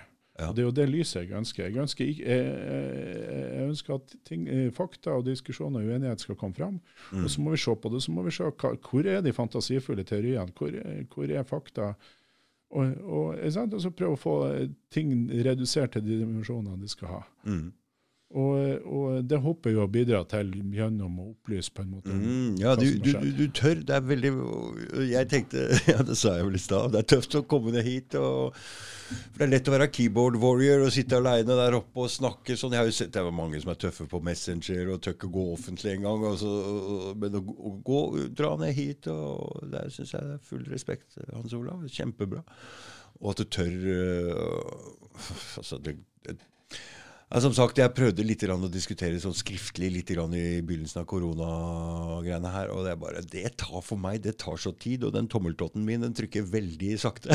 så tankene mine går langt foran, så det var ikke noe for meg. Det, det, og, det, det her koron, koronadiskusjonene, altså det, er så, det, er så, kaotisk, og det er så sterke følelser, sånn at det, det, er veldig vanskelig å gå inn i. Altså, jeg, jeg har et distansert forhold til det her. Ja, den er, Men så det er klart, vi må, vi må ha helsemyndigheter, og de må gi sine råd og alt det her så enkelt, det, er greit. Men så lenge vi på en måte respekterer eh, råd og gjør så godt vi kan, så må vi òg ha lov å diskutere hva det som skjer nå, hva som ligger bak det. Ja, for det har vært en, Jeg har aldri sett sånn aggresjon og sinne, og alle som har hatt litt annerledes meninger her, har bare vennelista har bare brutsch, Alle gamle venner vil ikke snakke med deg mer, omtrent. Jo, men det har blitt mer og mer sånn. Altså, jeg husker, jeg, jeg fulgte jo med veldig på valgkampen i USA i, i 2016. Mm. Ja, det, det, var litt starten på det. Og ikke sant, Jeg så jo veldig tidlig her at, uh, at uh, Trump hadde en god mulighet her. Mm. Uh, det var jo flere som så det òg. Altså, han, han gründeren av det her Resett-avisa, Helge Lurås, han så mange av de samme tingene. Mm. Sånn at jeg ble jo ikke veldig overraska når Trump ble valgt. Det gjorde da pressen her. Men ikke sant, eh, med de nye, den nyhetsformidlinga du har hatt her, mm. så kom det jo som lyn fra, klar himmel på noe, på ja, ja, ja. noe, som egentlig hadde vært ganske synlig for de som følger med i amerikansk politikk. Mm. Jeg vet ikke om Helge Lurås ennå er tilgitt for at han spådde rett valgresultat. altså, det, det, var jo, det, var så, det, var jo, så, åpenbart, mente jeg, at han kom til å tape dette valget. At Hillary inne. Og jeg, mm. jeg trodde ikke på det. Mm. Men du, nå hoppa vi fra 56 rett opp til Corbyn her, og ja. litt grann innom deg, og for å vise egentlig at uh, det ikke er lov å snakke om det, og at man til og med som statsministerkandidat som har feil meninger om Israel, blir bare tatt bort. Men mellom 56 og fram til i dag så må det jo ha skjedd en enda større makt de har fått der nede. Ja, altså Vendepunktet her er 1967. Ja. Ikke sant, Veldig mange som, som bare følger eh, du kan si overskrifter og ikke går inn bak eh, og ser historier bakom. Mm. De tror jo ikke sant, at eh, heroiske lille Israel førte en forsvarskrig mot uh, uforsonlige arabere i mm, mm, 1967. For da er det en seksdager... Det er seksdagerskrig. Seks dager? Seks dager. Vopp, vopp, vopp, vopp. Hæ? Ja. Eh, realitetene her ikke sant, det er at eh, det er en overfallskrig. Ja. Eh, for Egypt er det det minst gunstige tidspunktet for krig noensinne. ikke sant? De har halve hæren sin i Jemen i en komplisert konflikt der. Mm. Eh, men eh, tidspunktet er gunstig for Israel. Eh, de var akkurat ferdig de første atombombene sine. For, med tungtvann fra Norge? Med tungtvann fra Norge. Eh, og de fører en, eh, en halsløs provokasjonspolitikk mot Damaskus, ikke sant? der de har en demonstrasjon som de driver, driver med en masse fiffel inn i. Når syrerne da svarer, så trapper de opp, og de her opptrappingene ender jo til, altså til slutt med at sju eh, syriske MIG-jagere blir skutt ned. Over, av Egypt? Over, av Israel. Ja, Israel, ja. Mm. Og, sant, det er sånn det starter? Det er sånn det starter. Altså, i, først eh, rett over nyttår i 1967, og så i april 1967 eh, driver med Israel med ganske voldsomme provokasjoner mot Syria. Mm. Så Israel starter denne krigen? Eh, så eh, det her tvinger jo da Egypt til å eh, på en måte gi moralsk støtte, i alle fall til sine allierte. Mm. Så han eh, sender hæren inn i eh, Sinai i, for å holde posisjoner der, ber FN-observatørene Hvor er Sinai? Eh, det er den store ørkenområdet som ligger mellom det du kan tettbefolka Nilen og, og, staten Israel. Mm. Men det er fremdeles i, i, i Egypt. Er Egypt. Mm, mm, mm, og så erklærer han at det eh, Tiranstredet, som da er innløpet på den havbukta som går eh, opp til Eila til Israel, mm. den skal stenges. Mm. Eh, det er en folkerettslig konflikt her. Altså, du kan si Det, det er veldig omstridt om det her er internasjonalt hav med fri ferdsel, eller om det er et lukka eh, territorialfarvann. Mm. Men du kan si når Eisenhower ba Israel om å ryke og reise i 1956, så ga han dem som et slags sånn, her, han, eh, sånn, sånn plaster på æresfølelsen, så erklærte han samtidig at eh, Tiranstredet skulle være åpent. Mm. Eh, Det har Egypt aldri godtatt, men ikke sant, de godtar maktpolitiske realiteter. Og nå for å på en måte møte de israelske provokasjonene, så erklærer eh, Nasser at nå stenger vi Mm. Og dermed så har du en følgende situasjon. Eh, I USA har du den mest israelvennlige regjeringa noensinne. Mm. Og Israel vet at Lyndon eh, Johnson vet at hvis eh, spørsmål blir stilt på spissen, så kommer han aldri under noen omstendigheter til å si nei til Israel. Mm. Det var dårlig av Nasser å stenge det Ja, men altså det, det er det påskuddet som utløser krigen. Men samtidig så har du i Israel ikke sant, så har du ei gruppe offiserer, generaler med Moshe Dayan i spissen, som, som ønsker krig. mm. De ønsker en overfallskrig på naboene, sånn at eh, skapet blir satt på plass for, for eh, framtida. Mm. Og du har ei ganske svak regjering under Levi Erskold som har store problemer med å holde generalene sine på plass. Mm. Eh, da får du den følgende absurde situasjonen. Israel gjennomfører i løpet av seks dager en overfallskrig på naboene som gjør at de erobrer svære landområder. Hvem er det de tar? De tar Syria, Egypt Og Jordan. og Libanon. Ikke Libanon. Ikke Libanon. Nei. Egypt eh, erobrer dem eh, fram til Suezkanalen. Suezkanalen. Mhm. Eh, Jordan erobrer den vestbredden av Jordanelva, som du kan si er den resten som finnes av eh, det gamle Palestina-mandatet, der, eh, der palestinerne fortsatt eh, Så Jordan var på andre sida av eh, altså Jordan okkuperte den delen av Palestina under krigen i 1948. mm. Og har på en måte gitt palestinerne på Vestbredda da borgerskap og, eh, og eh, stemmerett i lokalvalg og alle de tingene. ikke sant? Så de har vært på en sånn halvveis integrert i Jordan. Mm. Og så eh, Det er klart de var hypp på å ta den, ja. Og så blir alle her områdene da erobra av Israel i 67. Samtidig blir det skapt en vanvittig propaganda i USA om sant, Israel er i fare, og at det her er nesten holocaust og alt sånn.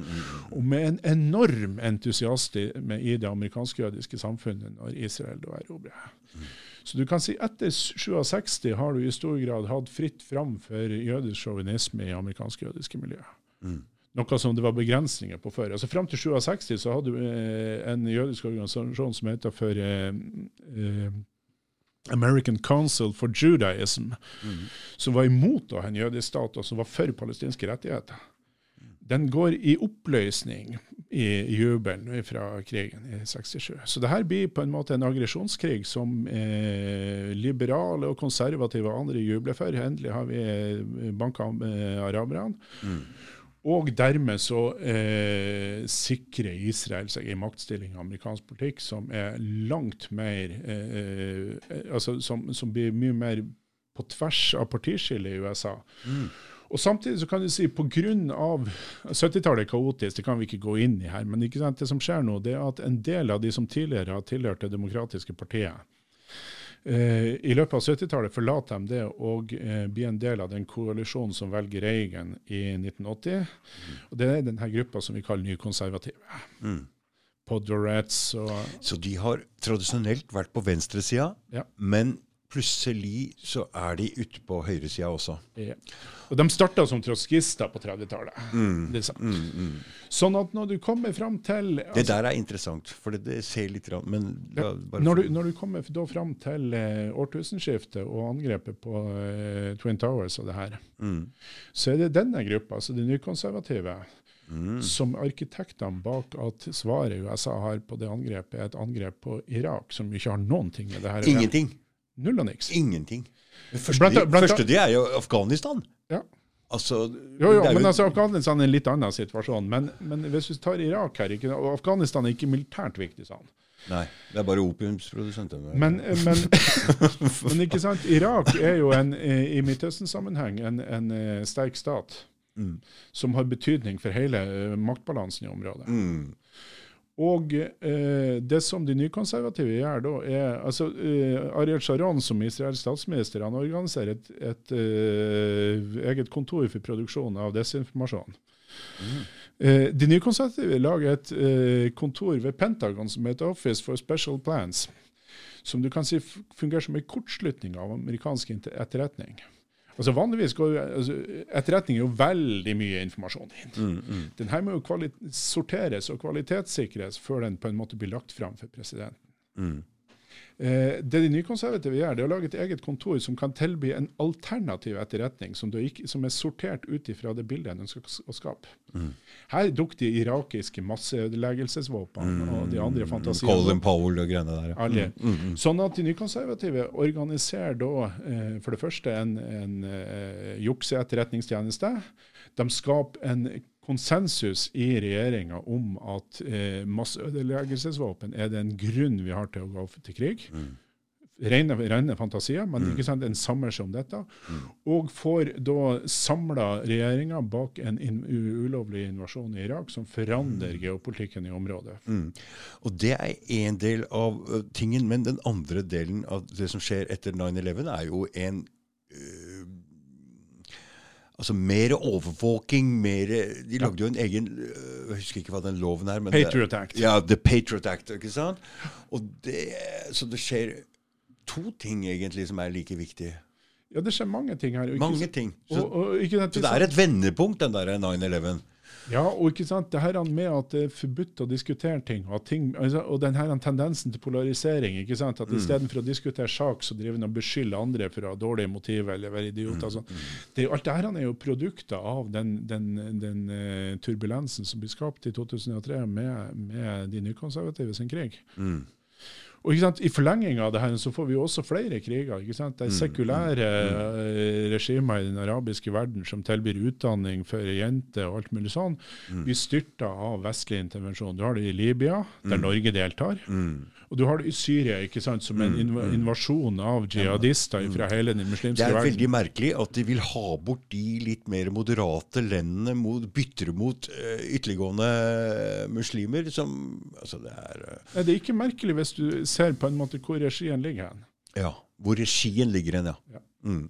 For det er helt klart at de, de tingene her, selv om det ikke er spesielt bra for folk i Libya, Syria og Irak, mm. så er det her bra for Israel. Ja. Det, det er ingen tvil om. Nei. Og ikke sant, Det som skjer med ødelegging av Irak, i tillegg en annen ting. For En av eh, konfliktsonene i Midtøsten det er jo konflikten mellom Iran og de arabiske landene. Mm. Det er et av, eh, en av tingene det, det handler om. Mm. Og Tradisjonelt så kan, har USA og andre stormakter kunnet manipulert det her fra avstand. ikke sant? Pga. at uh, Iran møter Irak som en sterk stat, mm. som har de økonomiske ressursene til Saudi-Arabia og Emiratene og sånn i ryggen. Så det har vært en lokal balanse ikke sant, der som har fungert. Mm. Uh, det som skjer når du da slår ut Irak og ødelegger den irakiske staten, sånn som en gjorde etter 2003, mm det er at de, eh, de her svært pengesterke eh, diktaturene, eh, Saudi-Arabia og, og Emiratene osv., de står ubeskytta tilbake. For dette er sunni-shia-konflikten? Ja, dette, dette, er de fundamentalistiske sunnimuslimene eh, som, som sitter på oljeressursene i Kuwait, eh, mm, mm, mm, Qatar mm, osv. Og, og når regimet der blir erstatta med et slags shia, for det var noe iransk Ja, og så blir jo den irakiske hæren som maktfaktor eh, eliminert. I, i, ja, iranske hæren òg? Nei, irakiske. Irakiske hæren, ja, som maktfaktor. Blir eliminert, ikke sant? Altså Sjøl eh, den islamske staten, som er et ganske samereaksk sak, mm, mm har jo ikke problem med å møte den irakiske hæren pga. at den er ødelagt. Den fungerer Nei. ikke lenger. Så alle de herrene regimene står nå plutselig ubeskytta i forhold til Irak, mm. i, i, forhold til Iran, som en sterk mm. stat. Mm. Og det som skjer da ikke sant, Nå ser vi jo IS plutselig ja, ja. Det, som skjer, det, det som skjer nå, ikke sant, det er jo at de her eh, Saudi-Arabia og Emiratene som blir tvunget inn i en allianse med Israel som er nærmeste sterke staten. Mm en åpen allianse. ikke sant? Altså Den såkalte fredsavtalen til Trump det, det dreier seg om Det har vært lenge. Det, det er jo bare den åpne erklæringa av en allianse mellom mm, oljediktaturene og Israel som oppstår etter eh, invasjonen av Irak. Mm, mm, mm. Så det er ikke noe Det har vært hele tiden? Ja, eh, det har vært etter invasjonen av, av eh, Irak. og ikke mm. sant, det her gir jo Israel større og større grad av kontroll i sitt eh, nærområde. Mm. Jeg ser jo det eh, når folk prater om IS, og, for det, det kommer jo um, Klimaet her i Europa var jo 'nå skal vi ta Assad'. Mm. Og de, så gikk det en kampanje blant muslimer også. og Vi mangler et sunnistyre der nede nå. Det er et vakuum der. og La oss dra ned og ta Assad og lage et uh, sunni-kalifat. Og stemninga var jo liksom de, de, skulle jo ta den samme fienden. Mm. Og jeg har jo hørt seinere at dette Du er jo støtta av Saudi-Arabia og, og, Israel på en måte også. Mm. Og da ser vi så snur de bare om på Og plutselig demoniserer IS. Og, nei, altså det er et spill, alt sammen. Det er et kjempestort spill. Og Men ikke sant, det her er, det, uh, Hvis du går litt dypere inn i dette uh, Det jo en, en uh, På 80-tallet skrev en, en, israeler som heter Oded Yinon en litt lengre artikkel der han forklarte israelsk geopolitikk. Ikke sant? Og Der forklarer han at disse statene vi har rundt oss, Irak og Syria osv., mm. de er tilsynelatende sterke. Men i disse statene så finnes det skille, altså det finnes eh, svakhetssoner knytta til religion. ikke sant? Sunni-shia, knytta mm, mm, til eh, mm, etnisk opphav, kurder osv. Ja, ja, ja. Og at Israels politikk er på en måte å utnytte eh, de her skillene til å lage hakkemat av disse statene, sånn at Israel istedenfor å kon uh, konfrontere sterke motstandere, uh, konfronterer et kaos av ulike eh, småbiter som holder hverandre i sjakk. Mm. Hvis du ser Bagdad før den amerikanske invasjonen i 2003, så bodde Shia og Sunni eh, om hverandre. Altså, det var en mm. blanda, og mm. det, det, var et sekulært styre som fungerte. Mm. Men sant, etter du slår sund den irakiske staten, så forsvinner jo sikkerheten. Og da blir jo sikkerheten overlatt sant, til, til sånne her militser som samles på religiøs. Sunni mot Shia. Mm. Sånn at da, da, blir jo byen delt ikke sant, i sunni-nabolag, Shia-nabolag, og sikkerhet blir overlatt til den. Du, de er gode, de der eh, jødene? Ja, altså, Poenget er jo at det, i all konflikt og, og, og, krig så har jo folk strategier. Mm. Eh, og skal du på en måte forstå det som skjer og gjøre noe relevant i forhold til det, så må du forstå hva slags strategi det er snakk om. Og det er klart at for Israel, mm.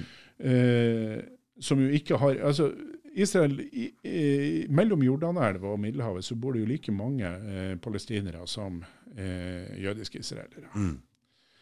Eh, og hvordan kan det, For Israel er ikke planer om å gi borgerrettigheter til eh, disse. Det er millioner av rettsløse undersåtter. som Du, altså du kan mm, mm. gi dem ordre om å må forlate huset ditt på 24 timer, så gjør du det. Eller du kan mm, fengsle mm. dem uten lov og dom, eller hva som helst. Mm. De er helt rettsløse. Og skal, det, skal, du gjøre det her permanent ikke sant? De har ikke planer om å gi borgerrettigheter, de har ikke planer om å gi palestinerne noen stat. Og skal du på en måte i forhold til verdensopinionen kunne fortsette inn i evigheten med det her, mm så må du jo skaffe deg en solid eh, maktpolitisk kontroll over ditt eget nabolag. Mm. Og det er det jo ganske logisk til å utnytte svakheter i nabolandene. ikke sant? For mm. De arabiske landene hadde jo svakhetsland. altså Irak og eh, Syria og sånn. Det er klart det finnes en del korrupsjoner, det finnes en del vanstyre, det finnes misnøye du kan gripe tak i. Klart det. Og det er det den har gjort. Eh, paradokset i det her er jo at den også har greid å trekke altså sånn som I Libya så greide jo Israel å trekke med Frankrike, Norge. og, og Hva slags interesse har vi av å lage hakkemat av arabiske land? Mm. Det er et mye viktigere spørsmål. At Israel har det, det er jo på en måte helt opplagt. Mm, mm. Det er. Nei, det eneste vi har klart å få ut av det, er en flyktningstøm med muslimer opp til Europa. Jeg vet ikke om det er så positivt. Nei, men Sett fra Israels synsvinkel ikke sant, så gjør det jo det at motsetninga mellom ja, altså innvandringskritiske ja, europeere ja, og Altså Jeg har en venn nå som mener at de i Israel nå støtter Sian. De støtter alt uh, dokument og alt som er islamfiendtlig. Og jeg så jo nå for en tre-fire måneder siden så var det en liten bombegreie nede i Israel igjen, og en konflikt der nede. Og jeg ser også at muslimhatet på en del grupper på Facebook blusser opp samtidig her i Europa. Ja, det er det. Men ikke støtte og støtte, det, det, det er på en måte å, å gjøre det her til en altfor aktiv sak. Ja. Poenget her ikke sant, det er at eh, Israel gir eh, de som eh, Altså gir eh, de islamfiendtlige et, et, slags eh, ideologisk fristed. Det er lov å være ganske eh, hatsk antiislamsk. Mm. så lenge eh, du på en måte holder deg eh, innafor det her som jeg sa, hjørnestolpene. Mm.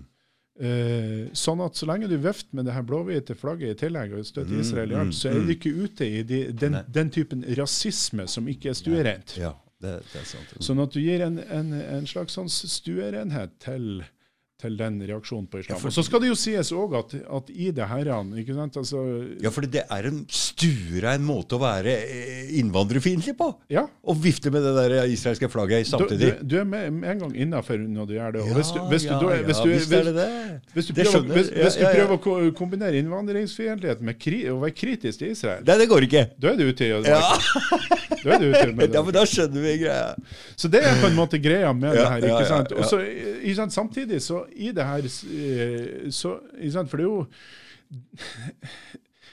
vi, vi har jo, Det er jo kommet så mye eh, nyinnvandrere til Europa i løpet av de siste tiårene nå at det er jo ikke alt som fungerer. Nei, nei, nei. nei, nei. nei. Det er klart at det er veldig mye begrunna misnøye. Ja, ja, ja, ja. Det er ikke tvil om det.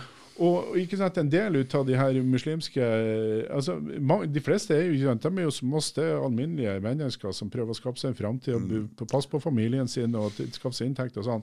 Men ikke sant, i det er så turbulente forhold som det er, så er det jo òg en del andre muslimske miljøer som er mindre hyggelige. Ja, men ikke sant, de har grunn til det òg. For de, vi, de har blitt bomba sønder og sammen. Det er ikke dem sin skyld at de er her. Mange av de lenda der nede har blitt dårlig behandla av Vesten, av oss, ja. Av, av USA.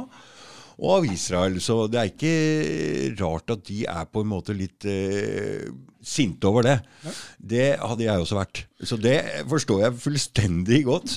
Og vi kan jo nesten ikke skylde altså Det er jo ikke dem sin skyld at de er her, på en måte. Så jeg har ikke lyst til å gå i den islamsk-fiendtlige greia der. Jeg, eh, vi må heller se på roten til årsakene. Hvorfor er de her, og hva har skjedd? Og, Ja, må ikke vi. sant? Men, sam, men samtidig så må vi jo på en måte òg se at ak ak akkurat som jødedom, så er jo islam en, en eh, religion som slipper rundt på en hellig lov. Mm, Ikke sant? På en del ideer her som vi absolutt bør være kritiske til. ja da. Mm. Det bør Ja. vi, og, og vi må ikke stoppe det av på en måte, altså Ja, vi skal se hva slags rolle europeiske stormakter har spilt i det her. Vi skal se krigene vi har ført. Mm. Uh, og vi skal på en måte ikke spille sånne her forfølte moralske uskyldigheter, for det er vi ikke. Dette er storpolitikk, og vi har vært med her. Og Mm, Ja, vi, har, vi, altså Norge har vært med. vi har vært med, og vi har gjort stygge ting. her. Ja, det er helt klart. Men ikke sant, det må ikke bli noen unnskyldning for å, eller noen noe begrunnelse for at vi ikke skal ha en kritisk holdning til visse sider av islam. Nei, nei, nei, nei, og nei sånn. selvfølgelig ikke. Uh, Sånn at vi skal på en måte, vi, vi skal tillate at, at vi, diskuterer det her på en normal måte, med innestemme. Mm, mm. Med innestemme, ja. Ja. Mm. Og, ja. Ja, det er helt riktig, Hans Olav. Kom igjen, fortsett. Så, nei, så det er på en måte Og, og sant, noe av problemet her er at sant, for den, den dagen kommer ikke at, at uh, mennesket på en måte er en, en, At vi alle er en stor familie uten konflikter og alt mulig sånn. Altså, konflikter er en del av menneskets eksistens. Mm. Uh, Det vil alltid være der. Og makt og stormakt og alle de her tingene, de finnes her. Mm. Uh, Men skal vi på en måte kunne håndtere de her tingene, og skal vi få litt makt over dem og kanskje bygge oss ei litt, litt penere framtid enn enn hvis vi på en måte går kaos og følelsene på får overtaket her, Mm. så må vi prøve å se hvem som spiller her, og hva slags interesser de har. Mm. Og det er på en måte mitt ærend her. at altså Alle ser Israel, ikke sant? den her, Mm, den mm, lille militært svært sterke mm, makta mm, i det mm. indre Middelhavet. Mm. Men eh, altså en, en amerikansk jøde som heter Frank, Frank Chodorov eh, på 50-tallet, han eh, drev og satte seg inn, og så sa han eh, om de her tingene at Israel er jo ikke bare Israel. Israel er eh, en blanding av Israel og global sionisme. Mm. Og det er aldri godt å si hvem som logrer med hvem. Nei. Og så lenge det er sånn, så eh, vil fred i Midtøsten være en veldig skjør ting, Mm. og amerikansk politikk vil være i kaos. Mm. Og eh, dessverre har det vært sånn, og jeg tror hvis vi skal ut av dette kaoset, og hvis vi skal få begrense en del av det destruktive i dette, så eh, må vi diskutere den rollen som den jødiske lobbyen spiller i de vestlige stormaktene. Mm. Og om prisen jeg må betale for det er liksom å bli kalt stygge navn og eh, sånn, så eh, hvis ikke jeg tar den prisen, hvem skal ta den da? Mm. Nei, Nei det, det er eh, Jeg er, eh, du er en av de få, eller kanskje den eneste, som tør å gå ut såpass eh, hardt her i Norge. Det er noen andre folk, men du skal ha kjempestor takk for at du gjør det, for det er viktig. Vi må kunne snakke om det. Vi må sette lys på det. Og øh, det er ikke mange som tør. Men da kommer en lærer fra Hva heter den øya di? Det er Sørberøy. Sørberøy! ja, det er, vold, det er voldsomt. Det er kjempebra. Du er en tøffing. Tusen takk for at du tør å gjøre det. Det er... Eh, noen må gjøre det. Jeg tror at så lenge én går foran, tør å gjøre det der, så kan det plutselig bli litt mer åpent for det. Én må åpne opp for å tørre, og det er ikke noe farlig. Drit i de der skrikhalsene på venstresida som skal Altså, de, de, har så fullstendig feil med den der cancel culture sin, og de skal ha bort folk fra ja, den, alle det, som ikke mener det samme. Altså, det der må vi bare ha slutt på med en gang. Ja, for ikke sant, altså, Vi har ingen grunn til å frykte diskusjon så lenge vi eh, diskuterer sivilisert og får spørsmålene og fakta mm, fram. Mm, mm. Diskusjon er ikke farlig. Eh, ikke sant, det som er farlig, det er å undertrykke diskusjon, og særlig hvis eh, mm. sånne her, eh, sånne her eh, altså, hvis, hvis, sant, hvis, folk begynner å ta ut det herrene i retning av liksom, trusler mot synagogen og mm, alt det her det, altså, Jøder i Norge er jo, er jo borgere som som oss andre. De har rett til å ha sine meninger om mm, disse ja, ja, tingene. Nei, bare... Og de skal jo gå på jobb trygt. De skal sende ungene sine i barnehagen Sånne ting bare ødelegger, for da kan de vise se. Ja, og så, det, det, er meningsløst. For, ja, ja, ja. Altså, Ervin Kohn er uenig med meg. Hvorfor skal jeg nekte han å, å hevde sine standpunkter? Altså. Han er like god nordmann som meg og må ha lov til det. Og så er vi uenige. Men det, altså, jeg, jeg, har på en måte greid å leve eh, Hva er det han er uenig med deg med? Har du diskutert med han, eller?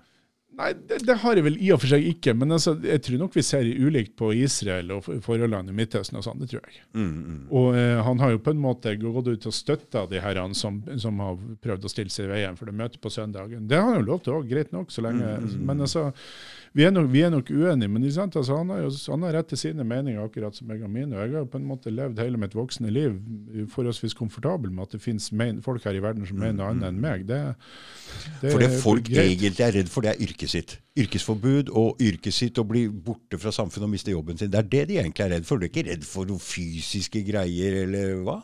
Jeg er redd for, ikke sant? Det som, det som tar i de her spørsmålene, vet at det som følger med, er trøbbel. Og det er jo folk redd for. Mm, mm. Uh, Men noen liker det? jeg er i alle fall villig til å gå inn i det. Ja. Jeg er i alle fall villig til å gå inn i det ja, hvis en syns ja, det er viktig. Ja, fordi alle folk har jo en energi som de føler at de må gjøre noe. Den energien må man bare følge. Og du får ekstra energi og når du føler du gjør noe riktig. ikke sant? Du føler at du står for noe som er viktig og riktig. Da får man en Da brenner man for noe, og det er ikke noe som er mye bedre i livet enn å ha noe sånt å gjøre. Altså, men så har det noe litt mer sånn fundamentalt å være ærlig å gjøre. Altså, jeg er jo ikke, altså, Faren min han var jo en, en alminnelig elektriker. Altså, han jo på, eh, bodde på brakke og jobba på eh, kraftutbygging i, eh, fram til jeg ble født, og så, så var han elektriker i industrien resten av tida. Mm. Så han var jo ikke noe sånn, sånn, høyt på strå i samfunnet, men han hadde nå sine meninger og sine eh, ting. ikke sant? Mm. Og, og, han diskuterte jo med alle. altså mm. Men hvis det øyeblikket noen begynte å skulle liksom komme med litt sånn skjulte trusler eller løfter om at han skulle få fordeler, eller noe sånt, det var diskusjonen slutt. Mm. Han gikk ikke inn i sånt. Nei. Det er ikke noe du holder på med. Du kan prate med folk så lenge du prater som likevenn. Hvis noen, noen, skal begynne å styre den mm. samtalen på andre måter, mm. da er det ikke mer å prate om. Nei. Og Jeg har litt den samme holdninga til det her. Mm. altså Jeg kan møte hvem som helst og diskutere det saklig, men når de skal på en måte begynne å lage en masse halloi om at det er de bruneste kreftene i Norge som samler sånn, altså, for meg Da, da, da, da er det kveld og mørkt her. altså Jeg, jeg, jeg er ikke med på sånt. Du, det du har snakka om i dag, jeg føler ikke at det er veldig kontroversielt. Jeg fatter ikke at det skal være noe å snakke om, og at noen skal bli tatt bort eller demonisert for å snakke om det i det hele tatt. Jeg ser ikke. Nei, altså jeg, men så jeg har holdt på med det her såpass lenge at jeg, jeg er dessverre ikke overraska. Nei, nei. Jeg er ikke overraska. Vi ser de kreftene i samfunnet bli sterkere og sterkere, men de, de er bare noen skrikehalser. Ja, så, Det jeg er redd for, er at uh, diskusjonen blir avlyst, ikke at diskusjonen blir tatt. Blir diskusjonen tatt, og vi avgjør det her med argument og fakta og på en mm, uh, menestemme, så har jeg egentlig veldig lite å være redd for. tror jeg. De som står utafor, inviterer dem inn, da? Ja, de er hjertelig Med innestemme? Med innestemme, så er det helt greit. Det hadde vært det beste av alt. Ja, klart Noen det. av dem må altså, jeg, vil jo, jeg vil jo ikke ha noe sånn halleluja-menigheter. Nei, nei, nei, nei, nei. Da er vi jo akkurat like langt, bare mm, i motsatt kreft. Mm, mm, mm, For all del. Ja. det er ikke noe å vinne med. Nei. Så du håper at det kommer noen fra dem og kommer med noe? Ja, ja, ja, for all del. Ja, ja, ja, For da blir det Da får vi diskusjon, og en diskusjon eh, bidrar ikke sant, til at det som har vært skjult, kommer opp i dag. Mm. Det blir spennende å se. Jeg skal ringe deg etter møtet. Jeg er ikke sikkert jeg får komme dit, for jeg skal jo levere bilen min på verksted og litt sånn og sånn og sånn. Men det skal bli spennende å se hva som kommer ut av det der, og hva de møter opp. Jeg skal ringe deg etterpå før du drar oppover. Når du skal ta flyet på søndag? Når skal du ta det? Jeg skal ta fly mandag morgen. Mandag morgen, ja. Mm. Det blir spennende å se. Det blir det. Nå skal du få lov å gå ut og handle julegavene dine, Hans Olav. Ja, takk for det. Tusen takk for at du kom innom. Ja. Hei da. Ha det.